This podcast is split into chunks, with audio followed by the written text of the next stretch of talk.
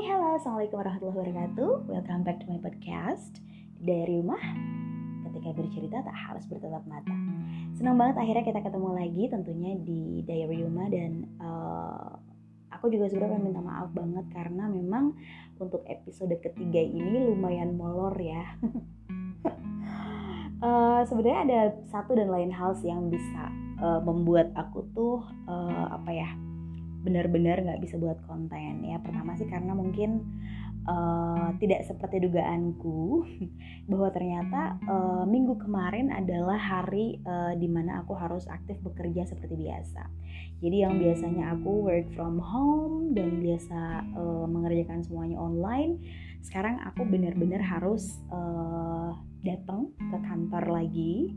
Dan pastinya uh, sekitar 70% waktu aku di sana kemudian uh, di sisi lain juga kemarin uh, apa namanya suami aku kehilangan seseorang yang dia cintai ya salah satu keluarganya uh, berpulang ke rahmatullah. Jadi memang uh, apa ya lumayan sibuk dan apa namanya menyita waktu aku ya sehingga benar-benar aku nggak bisa banget untuk uh, menyempatkan diri bikin konten. Tapi uh, mohon dimaafkan ya dan mungkin untuk uh, berikutnya insya Allah Diary Rumah akan selalu hadir di hari Minggu. Jadi seperti janji aku bahwa kalau sudah uh, tidak diberlakukan work from home lagi, ya otomatis uh, durasi atau frekuensi dari Diary Rumah sendiri juga pastinya berkurang ya. Yang biasanya dua kali seminggu akan menjadi sekali aja seminggunya. Tapi nggak apa-apa. Yang penting kita masih bisa share, bisa uh, apa ya ngobrol bareng meskipun satu arah ya. Oke, okay. untuk episode ketiga ini sebenarnya aku masih mau bayar hutang ya beberapa teman yang kemarin sempat tanya-tanya, kemudian uh, niat banget untuk nge-DM aku dan uh, apa ya meminta uh, banyak sekali penjelasan lah intinya ya. Jadi masih about parenting ya tentang parenting ala Yumah. Nah untuk kali ini aku akan mencoba menjawab beberapa pertanyaan yang tertunda untuk dijawab. Yang pertama adalah pertanyaan seputar uh, reaksi dari keluarga ya. Reaksi dari keluarga aku dan keluarga suami ketika pertama kali uh, I want to raise uh, bilingual children atau apa namanya menerapkan bilingual di keluarga aku. Memang yang pertama uh, apa ya? Kalau pro dan kontra itu pasti ada tapi alhamdulillah karena aku dan suami memang pertama kali menikah uh, kita langsung apa namanya keluar kota ya jadi suami aku langsung memboyong aku keluar kota dan kita di sana hanya tinggal berdua jadi mungkin itu lebih mudah bagi kami berdua untuk uh, menerapkan hal-hal yang uh, mungkin agak berbeda ya dari kebanyakan orang gitu. Artinya uh, ketika kita memutuskan untuk uh, apa namanya mendidik anak-anak dengan cara yang sedikit berbeda itu tidak terlalu banyak uh, apa ya campur tangan dari orang lain gitu. Karena alhamdulillah kita uh, dianugerahi rizki berupa tempat tinggal sendiri di luar kota sehingga apa ya lebih mudah aja gitu loh untuk mengerjakan segala sesuatunya tanpa ada campur tangan dari orang lain ya jadi sebenarnya kalau uh, ibu mertua atau keluarga dari suami itu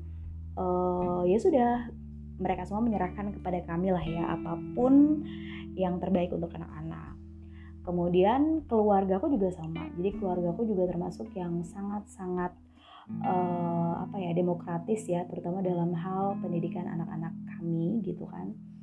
Uh, cuma pernah sih waktu itu uh, pertama kali aku show off anak-anak ya ke keluarga gitu bahwa uh, they are a bilingual uh, kid gitu kan sempat ada komentar dari waktu itu dari ayah dari ayah aku ya dari abah beliau pernah uh, komentar gini kenapa nggak bahasa Arab aja?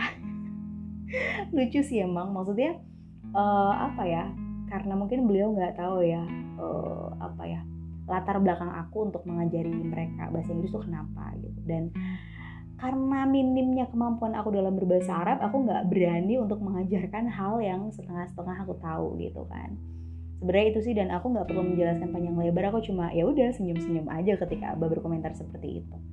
Tapi ya apa ya kalau orang lain di luar keluarga kecil kami atau di luar keluarga kami di kampung gitu kan ada sih beberapa apa ya ibaratnya mungkin komentar-komentar yang sedikit uh, lucu gitu kalau menurut aku ya atau mungkin kalau orang sekarang bilang bilang tuh kayak nyinyiran nyinyiran gitu sih pasti ada ya. Pernah sih suatu kali aku uh, apa ya waktu itu uh, ketemu sama beberapa orang yang memang kita nggak uh, terlalu deket-deket banget gitu kan. Cuman mereka tuh uh, apa ya um, ngajak ngomong Firzat dengan bahasa Inggris yang apa ya yang yang yang dibuat-buat atau apalah semacam seperti itu dan mereka sambil ketawa-ketawa ngakak kayak gitu deh. Aku nggak tahu sih niat mereka seperti apa tapi yang aku tangkap saat itu adalah uh, they they try to mock uh, my my kid gitu kan. Jadi kayak kayak pengen ngeledek gitu loh. Cuman ya ya udah sih aku cuman aku cuman senyum-senyum dan uh, lebih memilih untuk um, apa ya get out of there gitu kan untuk keluar dari lingkaran itu ya udah gitu loh. Terus ada juga sih beberapa uh, orang yang mungkin pernah komentar yang kayak uh, ngapain sih kok pakai bahasa orang kafir lah segala macam gitu kan. Uh, kayak nggak ada bahasa lain aja gitu. Padahal sebenarnya mereka tuh nggak uh, tahu apa yang uh, ada di benak kita kan. Artinya latar belakang kita uh, mengajari anak seperti itu tuh mereka nggak akan pernah tahu dan uh, they know nothing about uh, our plan gitu kan in the future. Jadi mereka nggak nggak akan pernah tahu tentang rencana kita di masa depan apa gitu kan. Sementara as we know that uh, English is really important for their future gitu kan. Kayak orang mau dapat scholarship di luar negeri aja butuh uh, apa namanya IELTS, butuh TOEFL gitu kan. Uh, kemudian orang yang pengen punya apa ya? Uh, misalnya uh, seseorang yang bisa menginfluence seseorang gitu kan kalau dia mau go international juga pastinya butuh bahasa Inggris gitu tapi orang-orang yang nyinyir itu mereka nggak pernah tahu plan kita di masa depan dan mimpi besar kita untuk anak-anak kita seperti apa tuh mereka nggak pernah tahu. Jadi yang mereka tahu cuma ih sok ke barat-baratan atau misalnya komentar-komentar yang semacam itu. Padahal uh, apa ya alasan kita tuh lebih besar dari sekedar buat keren-kerenan gitu kan tapi lebih ke uh, kita mempersiapkan anak kita untuk menghadapi era yang mungkin bukan hanya uh, eh, 4.0 gitu kan bukan hanya era di mana uh, ber apa ya bergelut dengan teknologi yang sekedar uh, smartphone gitu. Mungkin suatu saat di eranya anak kita tuh dia akan bersaing dengan orang yang jauh lebih keren yang lebih hebat yang lebih wow gitu kan. Sehingga uh, we prepare them to be um, sophisticated gitu kan. Mempersiapkan mereka untuk menjadi orang yang uh, apa ya siap untuk tantangan-tantangan yang pastinya akan jauh lebih sulit daripada masa kita sekarang gitu loh. Dan they know nothing about all of them. Mereka nggak pernah mau tahu. Yang mereka tahu hanya ah lo cuma gaya-gayaan lo cuma keren-kerenan dan semacamnya gitu kan. Sehingga ya udahlah karena kita sih uh, punya prinsip sendiri gitu kan. Aku dan suami khususnya kita punya prinsip yang mungkin berbeda dengan mereka kita cuman ya udahlah ignore them aja. Kita cuman kayak mengabaikan aja sih komentar-komentar nyinyir kayak gitu. Uh, dan kita cuman berpikir uh, kalau kita yakin bahwa kita benar ya udah gitu loh. Uh, abaikan aja lah suara-suara sumbang di luar sana gitu. Dan berikutnya ya ada yang nanya gitu kan kalau misalnya sepasang suami istri mungkin salah satunya aja nih yang fluent kira-kira gimana? Kalau menurut aku hmm, nggak ada salahnya sih untuk uh, tetap apa namanya misalnya membuat uh, English area di rumah gitu kan nggak masalah. Karena ibaratnya gini kita pun yang mungkin orang tua kita sama sekali nggak bisa aja kita bisa belajar dari hal-hal yang nggak uh, kita duga kan misalnya dari dari movie atau dari music gitu. Sehingga uh, minimal kalau orang tuanya itu mengarahkan pastinya anak kita juga akan jauh lebih hebat daripada kita yang dulu tidak diarahkan gitu kan. Artinya lebih baik uh, apa ya diarahkan meskipun oleh satu orang daripada tidak sama sekali. Jadi kalau misalnya ada nih sepasang suami istri yang uh, mungkin mereka pengen banget nih raise um, bilingual children cuman salah satunya aja yang fluent gitu kan? Menurut aku sih nggak masalah. Artinya uh, ya sudah ketika dengan ayahnya misalnya berbahasa Indonesia dan ketika bersama ibunya uh, English gitu kan? Bikin aturan seperti itu. Sehingga dia akan tumbuh menjadi anak yang uh, bisa dua bahasa sekaligus gitu. Jadi menurut aku nggak masalah. Karena uh, seperti anak aku pun akhirnya dia tertarik untuk belajar banyak bahasa di waktu yang bersamaan. Contohnya ketika dia usia 3 tahun itu dia sudah paham dengan bahasa Indonesia kan pastinya dan tentunya bahasa uh, Jawa di kampung. Dan ketika sudah agak lebih besar lagi di usia 4 dan 5 tahun dia sudah paham dengan bahasa uh, Kromo gitu kan. Jadi di Cirebon itu ada namanya Kromo Cirebon ya kalau istilahnya tuh bahasa bebasan gitu. Nah anak aku udah paham gitu kan meskipun dia masih pasif. Jadi ketika aku ngomong dengan berbahasa uh, kromo kromo Cirebon kepada orang tua misalnya dia udah paham dia udah mengerti. Hanya saja dia belum bisa mempraktekkannya gitu kan. Jadi menurut aku nggak masalah gitu kan. Artinya uh, mengajari anak beberapa bahasa sekaligus itu uh, it's okay. Menurut aku nggak apa-apa gitu kan. Yang penting uh, kita terus uh, mendampingi kemudian juga apa ya kalau misalnya ada yang bilang ketakutan-ketakutan seperti speech delay itu kayaknya tergantung bagaimana orang tuanya ya kalau insya Allah kalau misalnya kita selalu mendampingi, kita selalu komunikatif dengan anak, karena anak itu adalah peniru ulung sebenarnya. Jadi kalau misalnya kita jarang berkomunikasi dua arah, itu mungkin anak bisa speech delay. Misalnya anak yang hanya diberi tontonan, gitu kan? Ada beberapa anak yang hanya uh, diberikan ibaratnya komunikasi satu arah. Misalnya dia hanya menonton TV, kita suguhkan misalnya uh, eh, TV kabel ya, misalnya Cartoon Network atau apalah yang berbahasa Inggris 24 jam gitu kan. Mungkin si anak akan mengerti gitu kan tapi di sisi lain dia jarang terstimulasi untuk berbicara sehingga kemungkinan untuk speech delay itu sangat besar. Tapi insya Allah kalau kita ya kita itu kan ibaratnya bukan gadget bukan TV gitu kan sehingga kita akan selalu berkomunikasi dua arah. Memancing anak untuk selalu berbicara untuk selalu merespons untuk hmm, tanya jawab dan lain sebagainya sehingga anak kita akan terus terstimulus dan uh, apa namanya akan terus uh, belajar untuk uh, apa namanya merangkai kata-kata baru atau bahasa-bahasa baru. Jadi menurut aku, menurut aku kalau memang kita selalu mendampingi, uh, insya Allah anak kita nggak akan speech delay atau terlambat berbicara ya, meskipun kita mengajarkan beberapa bahasa dalam waktu yang bersamaan atau tidak jauh berbeda waktunya itu nggak masalah.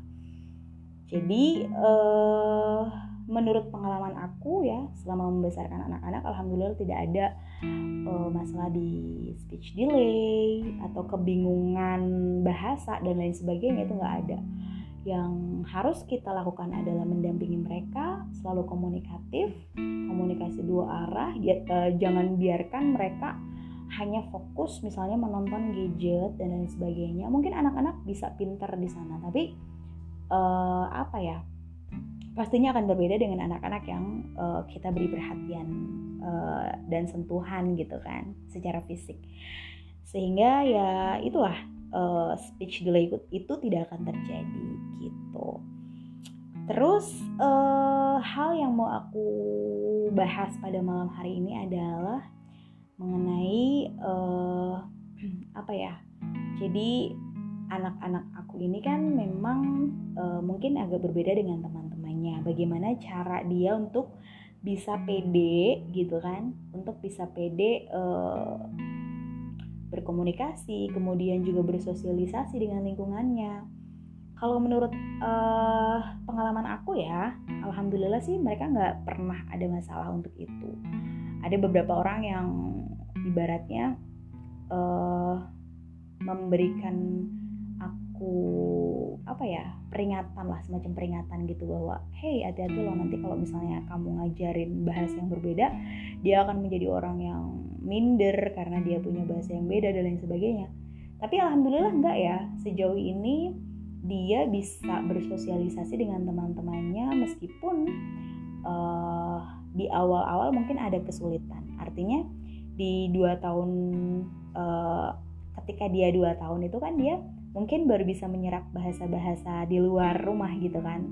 Misalnya bahasa Indonesia gitu. Jadi uh, alhamdulillah karena anak-anak juga suka dengan uh, apa ya hal-hal baru ya sehingga dia nggak akan pernah merasa uh, minder atau misalnya takut untuk bersosialisasi. Justru uh, dia akan semakin semangat untuk uh, belajar bahasa-bahasa baru di sana. Kadang-kadang yang lucu ketika dia masih kecil itu dia suka lari uh, pulang ke rumah gitu kan. Dan hanya menanyakan satu kata yang dia nggak paham gitu kan. Kayak misalnya uh, Yuma uh, what is kesandung Yuma gitu kan. Jadi aku harus menjelaskan kesandung is when you fall down because of something on the floor or on the ground kayak gitu kan. Jadi aku jelasin dan dia langsung mempraktikkan oh aku tadi kesandung gitu. Jadi uh, lucu sih justru malah uh, alhamdulillah dia menjadi orang yang tertantang untuk mempelajari bahasa-bahasa baru gitu kan. Dan saat ini aku sedang hmm, mengajari dia sudah mulai mengajari dia untuk bisa berbahasa kromo atau bebasan. Karena uh, karena dia orang Cirebon aku ingin dia menjadi seseorang yang uh, bisa santun kepada orang yang lebih tua dengan berbahasa Kromo. Uh. Jadi guys, aku saat ini record podcastnya tuh malam-malam dan ada yang stand up, wake up di malam hari. Ayo sayang, bobo, bobo. Do you want to drink milk? Uh-uh. Okay, I want to make it. I want you to sleep right now. Jadi kita kayak live gitu ya, nggak ada edit-editan. Oke, okay, jadi uh, intinya seperti itu dan uh, mungkin untuk episode ketiga. Uh, aku sudahi dulu dan kita akan ketemu lagi di episode berikutnya yang pastinya dengan pembahasan yang jauh lebih seru tentunya di Diary Rumah ketika bercerita harus bertetap mata. Bye bye. Assalamualaikum.